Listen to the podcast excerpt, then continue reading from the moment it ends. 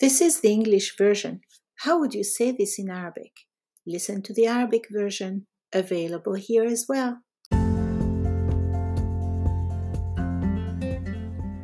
I'm disappointed in myself as I now publish two podcasts a week instead of seven. Looking at the bright side, I realize I should, in fact, be proud of myself for giving myself the time to take care of my family and spend time with my friends. Do you feel overwhelmed by responsibilities sometimes? Have you thought of reducing them? Continue studying on my YouTube channel.